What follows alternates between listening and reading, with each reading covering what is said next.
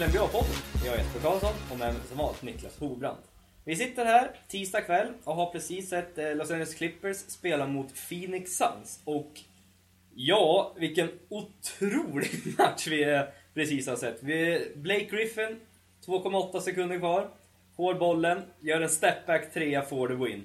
Och eh, ja, Niklas, vad jag säger, vi som Clippers-fans känns i och för sig som vi pratar lite väl mycket om Clippers.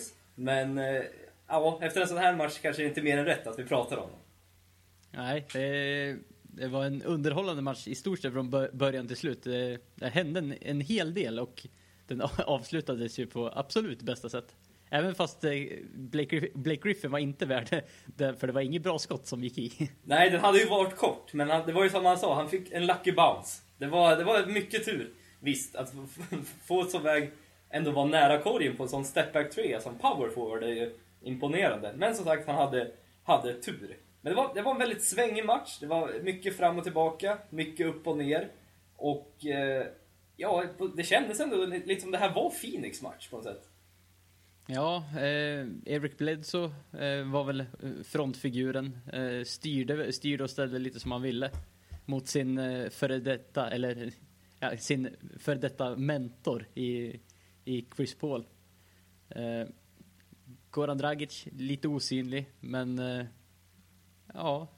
Eh, de var, eh, jag tycker nästan att de förtjänar en vinst. Ja, osynlig. Goran Dragic hade ändå 17 poäng, 8 assist. Men det kändes, ja, både du och jag sa att det, det kändes inte som man riktigt var i matchen, men det, ja, gör man 17 poäng och är helt osynlig, då kanske man är ganska bra ändå. Men, Men det, kan, det, det, kanske säger någonting om Goran Dragic eh, roll. Eh, Eric Bledsoe har väl tagit över lite som själva pointguarden och Goran Dragic spelar ju shooting guard på den positionen i alla fall. Får möta shooting guarden i andra laget. Och eh, ja, har inte, ser inte riktigt sett eh, eh lika bra ut som, eh, som han gjorde förra året. Nej, men som sagt, Eric Bledsoe igår hade, hade en triple double. 27 poäng, 11 returer och 16 assist. Det är ju en helt otrolig statline. Och eh, ja, man, kan, man kan tänka då att det var ett misstag av Clippers att släppa Eric Bledsoe då. Men ja, han fick ju fyra år, 70 miljoner eller vad han fick. Och eh, nej, Clippers har inte råd att... de har inte råd att betala den lönen. Det, det tar stopp där i lönetaket. De är inte, inte i närheten ens. Nej, det, det, de, de, kunde inte behålla honom. De skulle... Fick de i alla fall någonting tillbaka. De fick J.J. Redick och Jerry Dudley, som i och för sig spelar i Milwaukee. Men J.J. Reddick har varit en bra... Ja, han har spelat bra för dem helt enkelt. När han har varit hel. Han var ju en del, en del skadad förra året. Men ja, nu är han tillbaka i alla fall. Blake Griffin, 45 poäng. Eh, två poäng från hans karriär här. Och eh, ja, han var, ju, han var ju fantastiskt bra hela matchen. Men ändå så kände vi att, eh, trots att han gjorde 45 poäng, han skulle kunna göra mer ändå. Ja, eh, det var ju vissa situationer han blir lite tveksam, lite avvaktande. Vi vill ju se han ännu mer aggressiv, attackera korgen. Eh, han har ju, i den här säsongen har han skjutit väldigt mycket midrange. Eh, den här matchen var inte jättemycket midrange, men han, ja, han var, passade några gånger när han kanske skulle ha tagit ett skott. Eh, han var, men jag tror ju det var de här, han gjorde, fick ju väldigt mycket poäng gratis så att säga från straffkastlinjen den här matchen. Han satte väldigt mycket straffkast. Ja, 15 av 17 från eh, straffkastlinjen. 88,2 procent för den här matchen. Och jag tror att för säsongen är han 73 eller 74 procent nu efter den här matchen. Och eh, det är ju en, det är en del av hans spel, eh, spel som verkligen har förbättrats. Jag tror det var eh, andra säsongen och snittade han bara 52 procent från straffkastlinjen. Tillsammans med DeAndre Jordan så är det ju verkligen en svaghet, att, svaghet i laget att ha. Framförallt när det, när det kommer till jämna matcher då man bara kan falla någon av dem och så vet man att man Ja, de kommer ju troligtvis missa. DeAndre Jordan känns det som han missar oftare två än, än sätter något skott. Så eh, ja, det, det, känns lite fel att klaga på Blake Griffin när han har som sagt gjort 45 poäng. Eh, och varit eh, ja, helt fantastisk, satt en buzzerbeater och är hjälten i laget. Men eh, framförallt när han får, när han gör den här pick and rollen i mitten av banan, han får bollen ganska, ganska öppen ändå runt vid straffkastlinjen. När försvararen har lämnat någon meter till honom eller någonting. Så känns det som att han ofta då passar tillbaka bollen till Chris Paul och går in i en ny pick and roll. Visst, det är ett otroligt vapen, den pick and rollen. Men eftersom han är så otroligt mycket snabbare och mer atletisk, mer atletisk än sina försvarare, så känns det som att man borde kunna face up och bara gå mot korgen. Jag vet inte, vad, vad tycker du? Ja, det, det, problemet som finns är ju att DeAndre Jordan är oerhört stationär där under. Och det blir ju lätt så att det är, det är inte bara en person under korgen som man ser, utan det, det ser, ser trångt ut. Eh, man har ju plockat in Spencer Hås för att få lite stretch på, på den positionen, men de spelar inte så mycket tillsammans, utan det är, det är Blake Griffin och DeAndre Jordan som i stort sett spelar de flesta minuterna med varandra. Att, eh, ja, det, det, kan, ju, kan ju vara en orsak till att han faktiskt skjuter mer midrange och inte går lika mycket inside. Nej, absolut inte. Han har ju förbättrat eh, sitt midrange till i år. Och det var lite spännande förra året. Eh, jag kollade på den statistiken. Eh, förra året kände han Blake Griffin, han sköt midrange, men det var egentligen inget riktigt hot. Men när man tittar mellan 12 och 18, eller var det mellan 10 och 18 feet från, från korgen, så var han effektivare än Tim Duncan. Och Tim Duncan, man tycker är en väldigt en bra midrange-spelare, ja, det säger ändå lite om att han faktiskt har förbättrat sitt midrange-game under åren. Och att de säger det, skulle han kunna sätta det ja, liksom hela tiden, sätta sitt midrange-skott, då är han ju ostoppbar. Och eh, ja, vi börjar nu se Blake Griffin börja gå in i sin prime nu verkligen. Att det är på gång. Han kanske är på väg att bli nästan helt ostoppbar. Det gäller bara för att laget runt omkring honom fortsätter byg bygga på rätt sätt. Ja, när det nästa säsong ska vi satsa på att utveckla tre, trepoängsskyttet ännu mer. Han hade ju två treor i den här senaste matchen och jag tror han är fem av nio eller någonting från säsongen, så han är över 50 procent. Ja, ja. Och eh, ju äldre han blir, han, ju äldre han blir, han är ju 25 nu, så det är ju inte, han har ju fortfarande ett par år till, så han är så här otroligt atletisk. Och, eh, ja men det, han måste ju bygga på sitt spel, han kan inte bara bygga på sin atletiska förmåga, så är det ju. Då, det är som många har sagt i flera år nu att han måste lära sig att kunna spela basket också, inte bara vara den som hoppar upp och springer snabbast. Men vi börjar verkligen se nu Blake Griffin utveckla sig ordentligt. Eh, Jamal Crawford blev ejected igår för första gången i sin karriär. Han har spelat, jag tror det var 967 matcher i NBA och det var här var hans första ejection. Och eh, det var en ejection som, ja, den kändes något tveksam. Ja, eh, man själv var, hade ungefär samma ansiktsuttryck som Jamal Crawford hade på planen. Men fattade inte riktigt vad som hände, förstod inte. Eh, han såg totalt ovetande ut. Eh, det var ingen, ingen liksom fysisk situation, utan det var...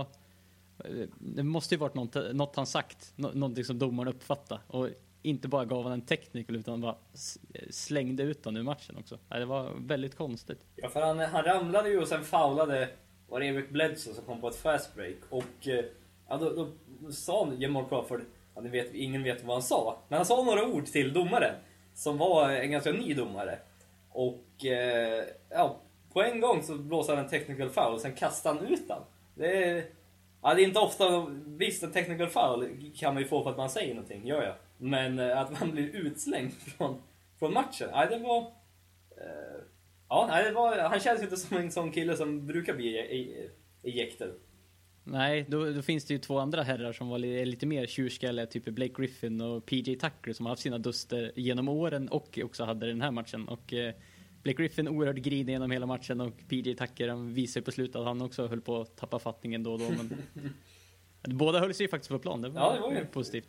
Blake Griffin hade en technical foul, men inte mer än så i alla fall. PJ Tucker hade, hade någon foul där i slutet också. Han var, var mucka, mucka lite grejer. Ja, mot Blake Griffin. Uh, Chris Paul uh, är på väg att göra någonting historiskt. Uh, I och för sig bara ja, 20 matcher in i säsongen. Och ja, han, än så länge har han en assist till turnover ratio på 6,2. Vilket är Ja, helt otroligt. Han snittar 9,9 assist per match och snittar bara 1,6 turnover. Och eh, det har aldrig hänt någonsin att någon har varit uppe så, så högt. Jag tror det var tre spelare som hade varit över 4,5 någonsin. Jag tror det var det bästa. Det är det bästa än så länge. Men ja, går det att hålla en så otroligt hög nivå hela säsongen? Eh, uh, nah, det är just den nivån kanske svår att hålla, men att han kan hålla en nivå i klass med, med den, det bästa, det, det är inte helt omöjligt. Eh, han är ju kanske den absolut bästa i ligan på att ta vara på, ta vara på bollen, ta vara på anfallen och inte göra så mycket dumma misstag som man ser många andra pointguards som man anser som väldigt duktiga har ha ändå lite vårdslösa med bollen emellanåt. Men han är ju han är väldigt mogen i sitt spel på det sättet. Ja, och eh, det är ju en, en otrolig tillgång att ha. Att ha en, man kastar inte bort bollen helt enkelt. Trots att han... Det känns som att varenda anfall startar med, med bollen i Chris Pauls händer. Han, eh, varenda, varenda anfall så startar det genom honom. Och eh, nej, det är, det är otroligt imponerande. Eh, Clippers 15-5 än så länge. Ligger trots 15-5 bara sexa i West, vilket är... Ja, det, det, det är tajt i West än så länge. Eh, ja, jo, det kan man ju säga. Eh, det hade vi, vi hade i och för sig inte förväntat oss något annat, men eh, ja, det, det är ju kul att se hur, hur, hur, bra man behöver vara för att ta sig till slutspel i West i år. Ja, för Clippers är ju 15-5, det är en bättre start de har nu redan än vad de hade förra året. Och eh, förra året vann de ju franchise record, ja, 56 eller 57 matcher. Jag kommer inte riktigt ihåg vad det var. Men eh, de som leder i väst, Golden State Warriors, de har ett record på hela 18-2. Och eh, de har vunnit 13 i rad under sin nya coach i Steve Kerr. Som eh, ersatte Mark Jackson inför säsongen. Och eh, som Golden State har spelat eh, så här långt så känns de ju som livsfarliga contenders. Ja, det är ett lag man absolut inte vill möta med tanke på att Eh, de har Stephen Curry och Clay Thompson som kan i stort sett avgöra vilken, eh, vilken match som helst, när som helst. Eh, så att, ja, nej. Han har lyckats med någonting. Med, med små medel verkar han ha gjort ganska mycket, Steve Kerr. Ja, han ville ju ha mer, mer rörelse i sitt anfall. Det var lite, lite väl stagnant i anfallet och eh, det känns som han har verkligen fått det att funka. Det är som kanske den största förändringen från förra året, kanske inte är, visst det är ju coachen nyckeln, men att de startar med Draymond Green som power forward. Och det är ju framförallt än så länge för att ja, David Lee har varit skadad helt enkelt, så att de har varit tvungna att starta Draymond Green som power forward. Men eh, han har gjort det väldigt bra än så länge. Ja, eh, det här har vi, vi har ju sett Draymond Green spela power forward och startat eh, i matcher där David Lee har varit skadad och de, är, de är ju nästan, de är alltid, alltid bra känns det som. Och Draymond Green speciellt, han spelar alltid, alltid bra i de matcher man, man tittar på. Så att, ja, eh, det, det, det känns ju som eh, att David Lee har, får nog svårt att ta tillbaka någon startplats nu, även om han blir hel. Ja, de har ju verkligen, de sprider ju verkligen golvet, eller spread the floor. Jag, Eh, förlåt svengelskan, men eh, eh, de har använt, Draymond Green skjuter än så länge den här säsongen 36% från trepoängslinjen, vilket är eh, översnittet i NBA. Och eh, de har ju verkligen fyra trepoängsskyttar. Och eftersom de har Steph Curry och Clay Thompson och Ja, det går ju inte att lämna någon av dem öppna. Det, det, är helt, det går inte. Och eh, därför så, och sen när man har Draymond Green som power forward och sen Harrison Barnes har de ju startat som small forward. När de har det, du, du kan ju inte lämna någon öppen. Det är helt otroligt. De måste vakta Stephen Curry och Clay Thompson så otroligt tight. Och sen, då finns det väldigt mycket yta för eh, Harrison Barnes, Draymond Green och sen ja, Andrew Bogut så nära korgen. Uh, Andrew Bogut skadade knät här senast mot Minnesota. Uh, ska inte vara något allvarligt, men det känns som han är en nyckel för dem. Eh, I alla fall när de närmar sig slutspel. Ja, men det har det ju varit. Eh, det har känts som han varit länge. Eh, han har varit den enda centern så. Den enda riktiga bigmannen de har haft. Eh, tyvärr har, är ju inte det här första gången han blir skadad utan eh, det känns ju mer som en rutin att han kom, missar ju en hel del matcher varje säsong. Men de har klarat sig utan honom eh, under kortare perioder gjort det bra. Men eh, blir det under längre perioder då blir det nog tufft. På så sätt är han ju en nyckel, nyckel för att det, det, är inte jättemycket som kommer bakom. Nej, för han, han, har, han, har ju, han, är ju, han är ju rim protectorn i laget och det är ju... Eh, ser ju det att en rim protector är väldigt viktig att ha i ett lag. Eh, sen är han även en fantastisk passare i anfallet. De, eh, han och Steph Curry, en del passningar de gör på matcherna. Det är ju ja, det är en fröjd att se verkligen. Eh, de har Festus Esile som backup, men ja, förra året missade han väldigt... Jag tror han missade hela förra säsongen på grund av någon, av någon skada, det var en knäskada. Och eh, ja, han har inte spelat, eh, inte spelat så bra i år än så länge. Eh, men eh, de här, har ju tagit in Sean Livingstone som backup point guard. Han har gjort det okej okay än så länge. Men, där, han, men det, de har i laget är Maurice Spates som har varit en otrolig spark off the bench. Ja, det, det är ju, eh, han har ju varit, han har varit duktig i korta perioder eh, under tidigare säsonger. Eh, och kan han hålla i det här eh, tillsammans med och liksom leda andra kedjan med tillsammans med Iguadala så Ja, eh, då är det jobbigt att möta Golden State helt plötsligt. Ja, det är helt otroligt att man nästan glömmer bort att de har Andrew Iguadala i laget. För att eh, det var ju det Steve Kerr gjorde. Att han satte Iguadala på bänken. Så han ja, skulle leda den här eh, ja, andra femman då. Och eh, han var inte riktigt... Känns som han är lite på nedgång, Andrew Iguadala. Ja, men om man tänker tillbaka på eh, ett par år, tänker den, innan han spelade i Denver Nuggets, så eh, då är det inte riktigt samma spelare längre. Eh, det är väl lite, det är, det är lite tråkigt. Ja, han var väldigt rolig spelare att titta på. Han var ju otroligt atletisk. Han var bästa försvararen. Han var ju han var kandidat till Defensive Player of Year ett par gånger. Med alla de st steals och blocks han gör från sin small forward-position. Och... Eh, ja, nej jag vet inte riktigt. Det, det visar ju att, ändå att de har en sån otrolig bredd i laget. När Iguodala eh, verkligen är på, lite på väg ner, men ändå så har man ett så brett lag. Och Maurice Bates han snittar 27 poäng per 36 minuter. Det är, ja, det... det är helt löjligt egentligen. Ja, det är ju klart. Eh, ja, nej, jag vet inte vad jag ska säga. Det var spännande statistik. Det var klart över vad jag trodde till och med. Men... Ja, för han snittar ja. 12,3 eh, poäng per match och spelar 16 minuter. Så troligtvis skulle han inte snitta de här poängen om han skulle spela 36 minuter per match. Nu möter han deras motståndarens backup power forward och eh, ja, det är liksom, han skulle inte få lika mycket utrymme att skåra om han hade spelat med första femman. Så det går inte riktigt att säga så. Men i alla fall, det är väldigt imponerande med tanke på, den, eh, på de få minuterna han spelar i laget. Men ja, Golden State. Det känns som nu är de på riktigt en contender, eller hur? Ja, eh, det kändes som de saknade någonting förra året. Att de inte riktigt var, eh, var, var på plats. Att de skulle gå hela vägen, men ja, ja, nu ser det ju skrämmande bra ut för tillfället, så att varför inte? För Clay Thompson, Steph Curry har utvecklats. Steph Curry snittar två steals per match. Och eh, vilket är... Eh, man har aldrig sett honom som någon riktigt bra försvarsspelare.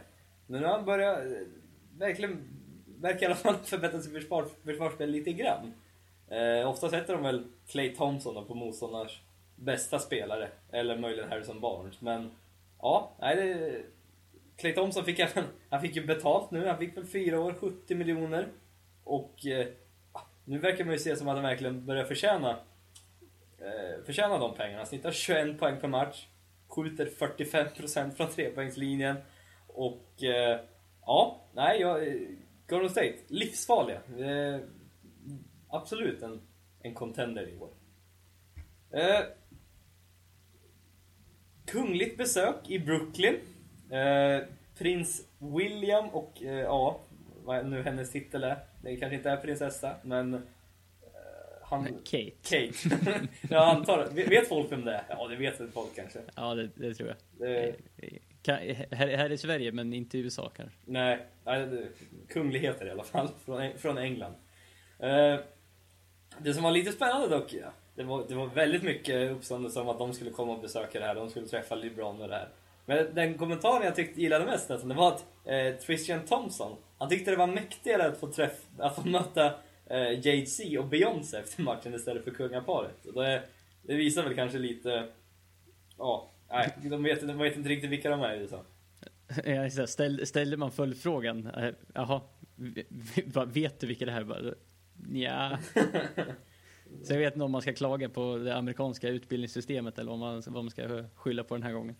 Amerikaner, ska, man veta om, eh, jag vet inte, Englands prins? Jag vet, ja, jag vet inte. Kanske, eh, ska man skylla på utbildningssystemet för det verkligen? Ja, i USA, det är alltid utbildningssystemet. Alltid Men så dåliga på geografi och Ja, all, all, är ju... fruktansvärt dåligt allmänbildade på allt som är, De skiter ju alltid ut, utom, utom eh, liksom eh, USA. Det, det, det finns ju inte. Nej, ibland, känslan är ju det lite ibland. Eh, Men... Nu, fördom, fördomar haglar. Ja, nej, Det är men kul. vi, vi kanske vara tysta där. Vi, vi låter det vara det. Eh, Brooklyn mötte i alla fall Cleveland i Brooklyn. Och eh, Cleveland vann 110-88. Och de har vunn, nu vunnit sju matcher i rad. Med ett snitt eh, 15 poäng per match har de vunnit matchen med.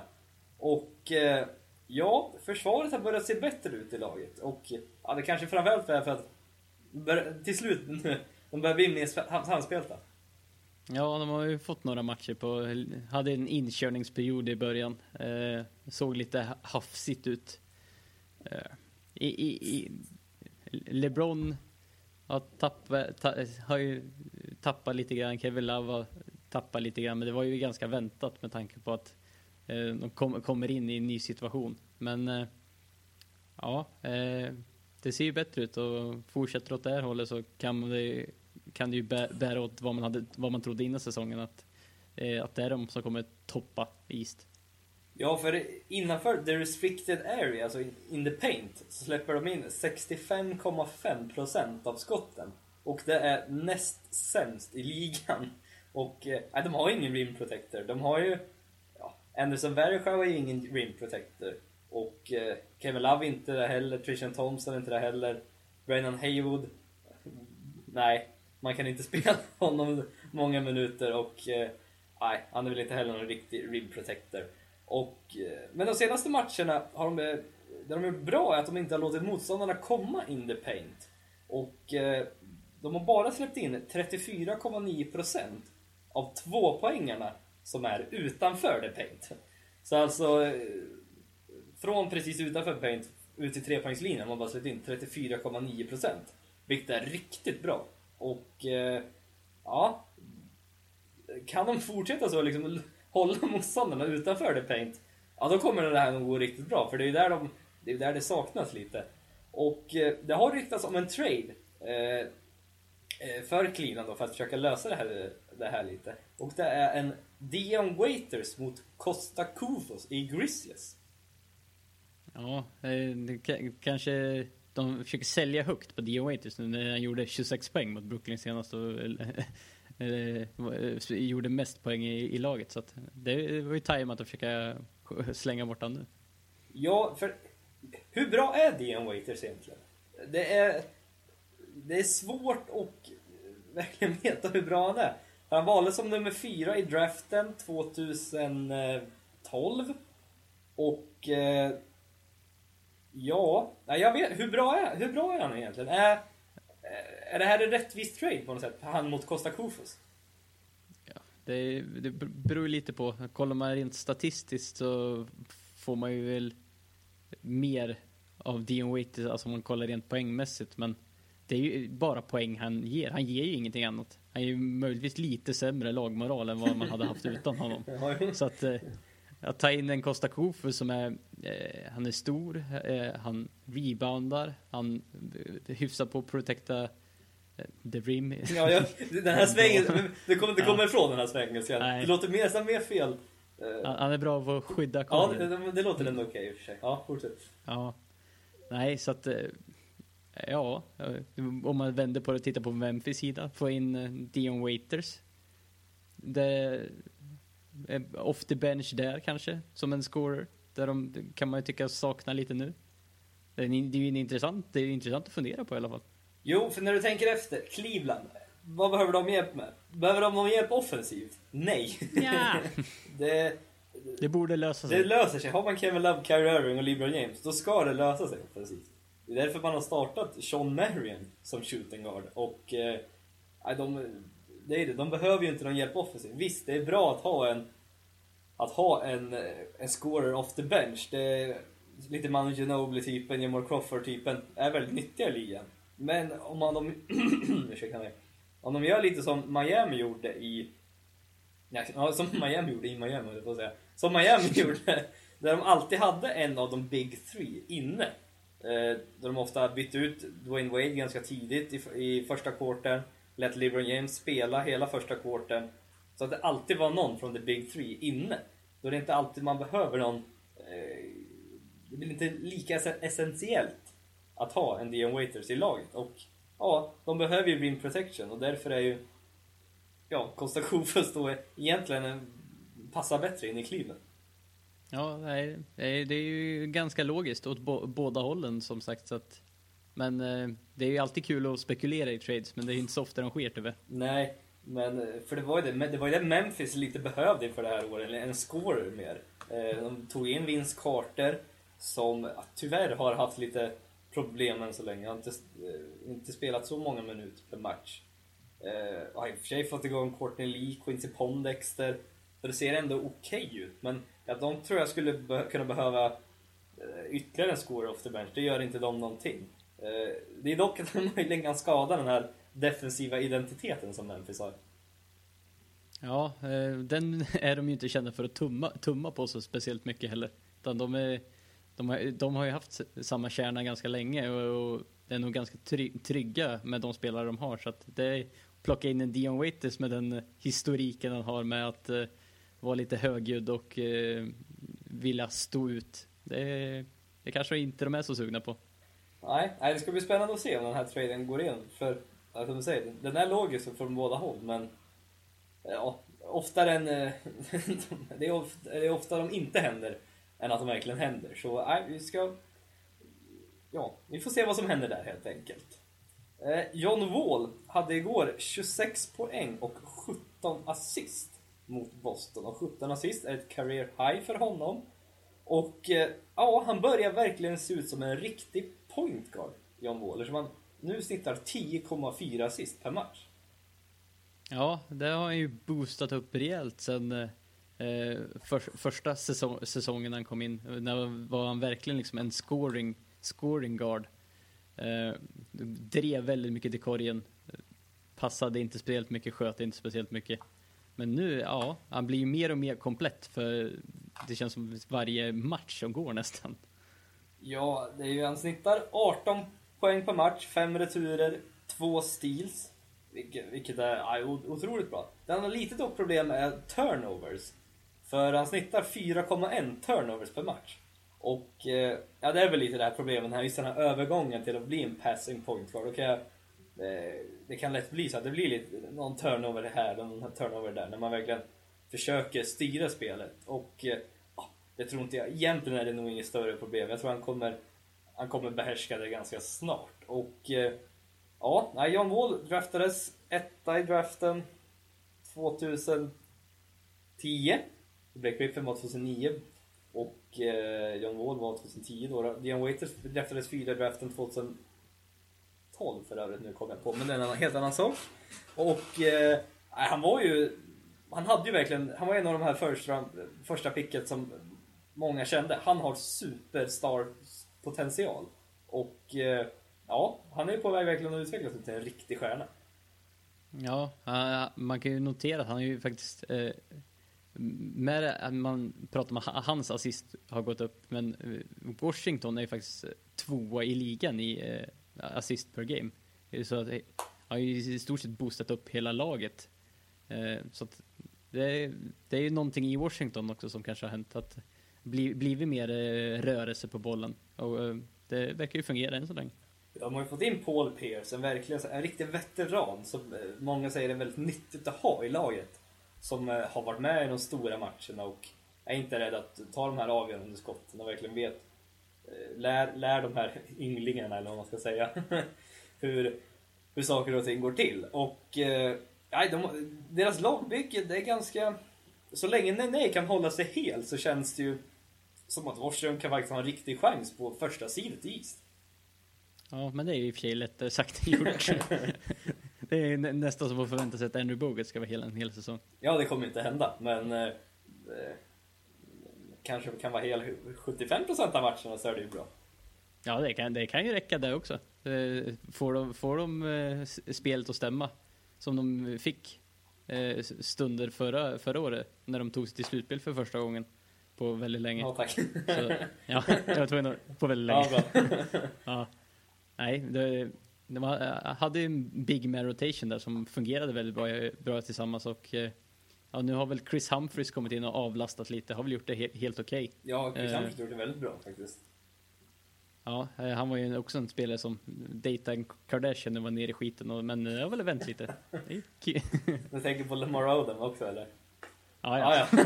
ja. Han- Hans, hans vändning väntar vi på fortfarande. Ja, ja. Det, det, vi väntar på den fortfarande. Jag tror inte, nu tror jag faktiskt, efter, hans chans i, efter hans chans i klipp så tror jag inte den kommer komma någon mer nu. Uh, nej, men det är det. Gortat, nej, nej. Chris Humphries. Uh, oh, vad heter den här fransmannen? Som, Kevin Serapin har de ju även också som backup där. Så att, uh, nej, det känns... Uh, Otto Porter, inte riktigt på gång kanske än, men det, är, det ser ju bättre ut än vad det gjort vad det gjorde förra året i alla fall. Ja, han spelade ju inte jättemycket förra året. Han kändes väl inte riktigt som han kom igång någon gång. Det är svårt att veta vad man har han. Eh, Det är svårt att veta vilken potential han egentligen har. Eh, vi kanske också ska nämna eh, att Bradley Beal har ju kommit tillbaka nu också och han är väl helt okej han också. Han är helt okej, ja.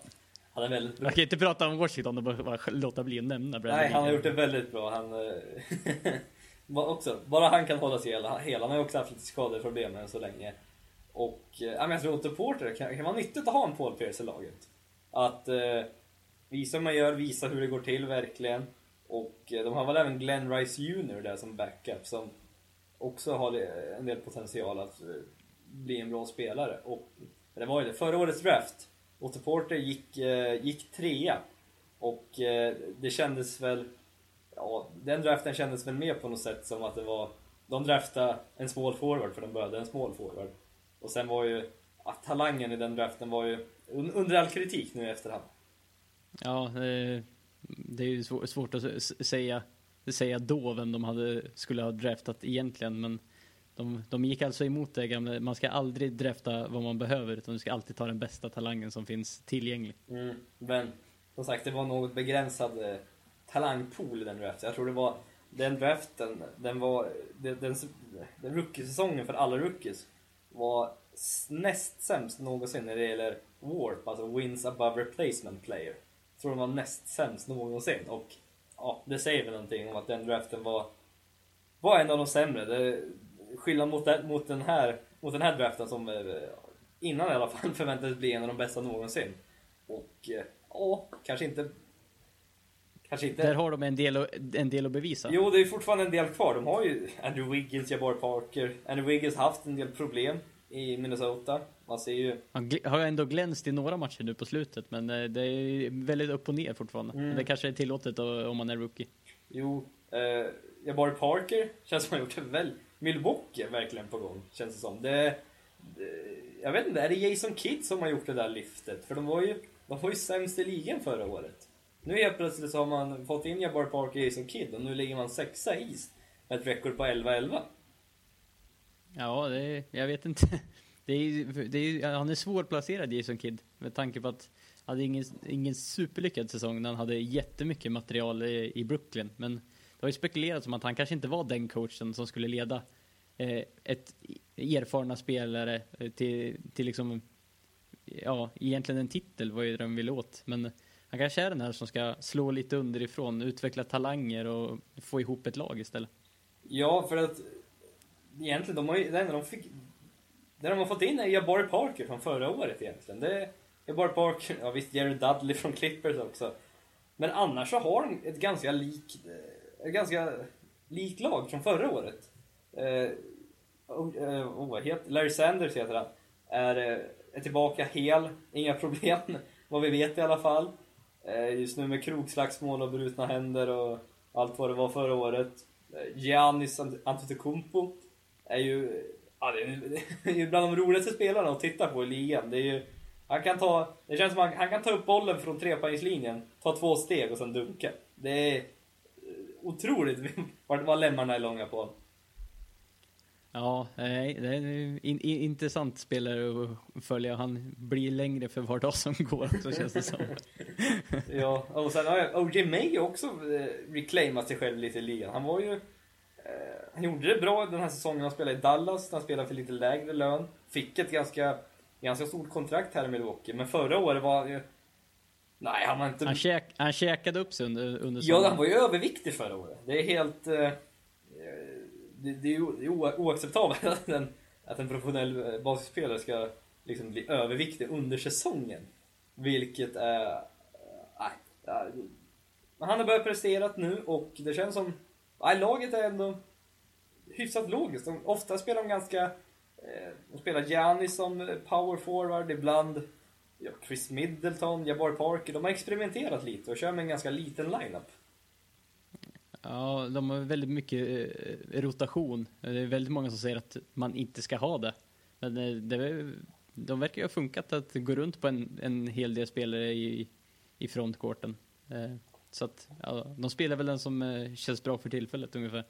Jo, Jason Kidd han gillade att gå, eh, gå small då i, i Brooklyn, men det kanske var Visst, då var ju Brook Lopez skadad och Kevin Garnett kunde man inte spela mer än 20 minuter per match.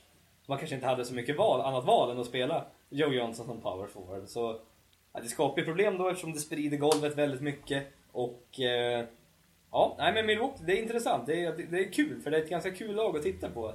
Ändå, eftersom det är mycket, jag gillar, jag har ju den lilla fetischen att unga, unga talanger, ett lag med mycket unga talanger, jag gillar att titta på dem för det går, det går fort och det, det händer mycket känns det som.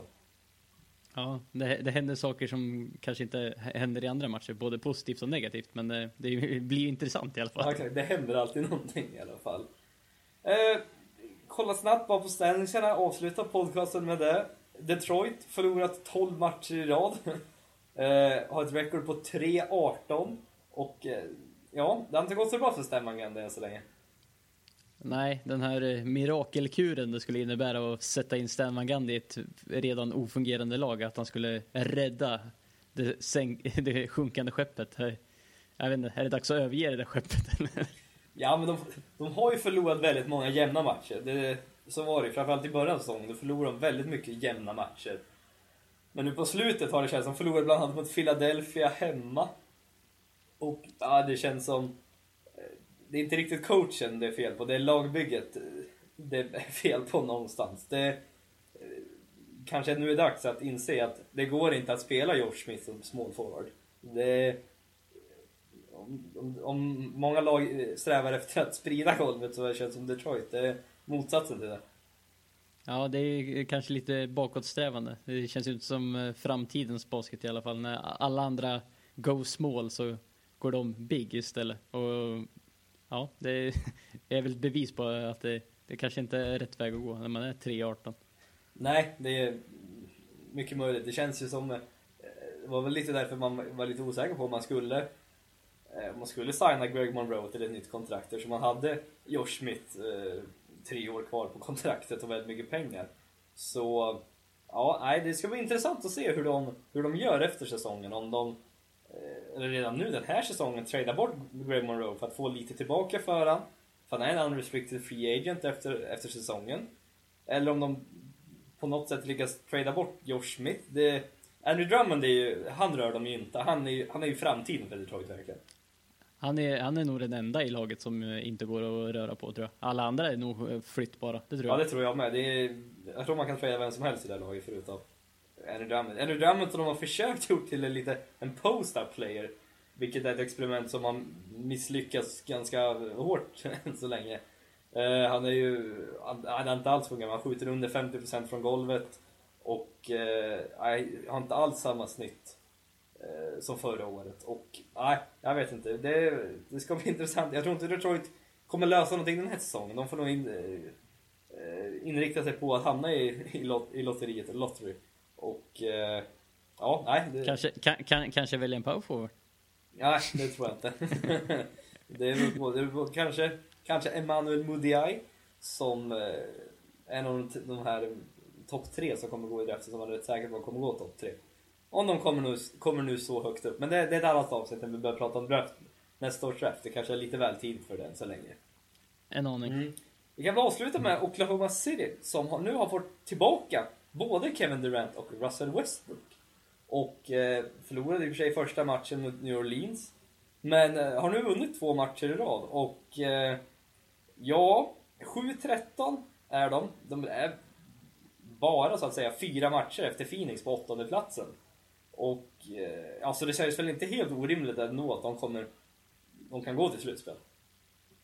Eh, jag tycker det känns ganska, ganska rimligt. Eh, jag har ju, just nu har ju, när de har varit tillbaka så pass tidigt som var så har jag svårt att se att de skulle missa slutspel egentligen. Så, jag så pass be, mycket bättre är de. De spelarna, ja, eh, de ska, jag tror inte alls att de missar. Jag tror de går till slutspel, absolut. Ja, jo, nej men har alltså Westbrook Kevin Durant och, och är bara fyra matcher efter, då kanske Ja, nej, då, då, ska det, då ska det gå på något sätt helt enkelt. Att de, är, de är för bra för att förlora eh, ja, så mycket matcher som de har förlorat än så länge. Då. Men, eh, ja, och, och nå en toppsid, det, det kan de ju det, det, det, kan ju nog bli tufft, men de får nog inrikta sig och hamna på under, under halvan av eh, slutspelsträdet och bli jättejobbig äh, äh, möte för, på någon, de som slutar topp fyra. Jo, för det är ju, vi pratade om det, att Oklahoma City, de kan bli värld, världens bästa åttonde sid. alltså inom historien, NBAs bästa åttonde sid. Alltså, att, att de kan gå långt om de hamnar på åttonde sid. För tänk dig om nu Golden State slutar etta. Det är ju, det är ju en nackdel att sluta etta om Oklahoma helt plötsligt är åtta. Om man helt plötsligt kan åka ut i, eh, i första omgången med den slutspelsrutinen som Oklahoma City faktiskt har nu. Har skaffat sig under åren. Och eh, ja, nej det var ju eh, otrolig tur för eh, Oklahoma att Kevin Durant och Russell Westbrook kom tillbaka så tidigt. För det var ju 6 till 8 veckor Kevin Durants tidsplan var och det var ju någon gång här nu i början av december. Men med en bruten fot så vet man ju aldrig. Man, eh, det är ofta man tar det lite försiktigt då för att inte ja, skada foten igen eller bara ja, allmänt komma tillbaka till liksom. Och eh, nej, de var inte ett dugg försiktiga. De bara slängde in dem på en gång och eh, vi får väl se om det är rätt recept eller inte. Bara, så länge nu Kevin Durant och Russell Westbrook kan hålla sig hela så tror jag, som du, att eh, ja, Oklahoma City kommer att gå till slutspel i West. Och vi, vi är nöjda där. Eller vad säger du Niklas? Ja, jag är asnöjd. Mm. Vi ska vi sätta oss här snart igen och spela in Hall of Fame-podcasten del 2. Då vi fortsätter prata om ja, eh, vilka spelare, både aktiva och även de som var nyligen aktiva, precis har slutat. Eh, vilka som vi tror kommer komma in i Hall of Fame eller inte. Men eh, vi får tacka för att ni har lyssnat. Tills nästa gång så får ni ha det bra. Tack, hej!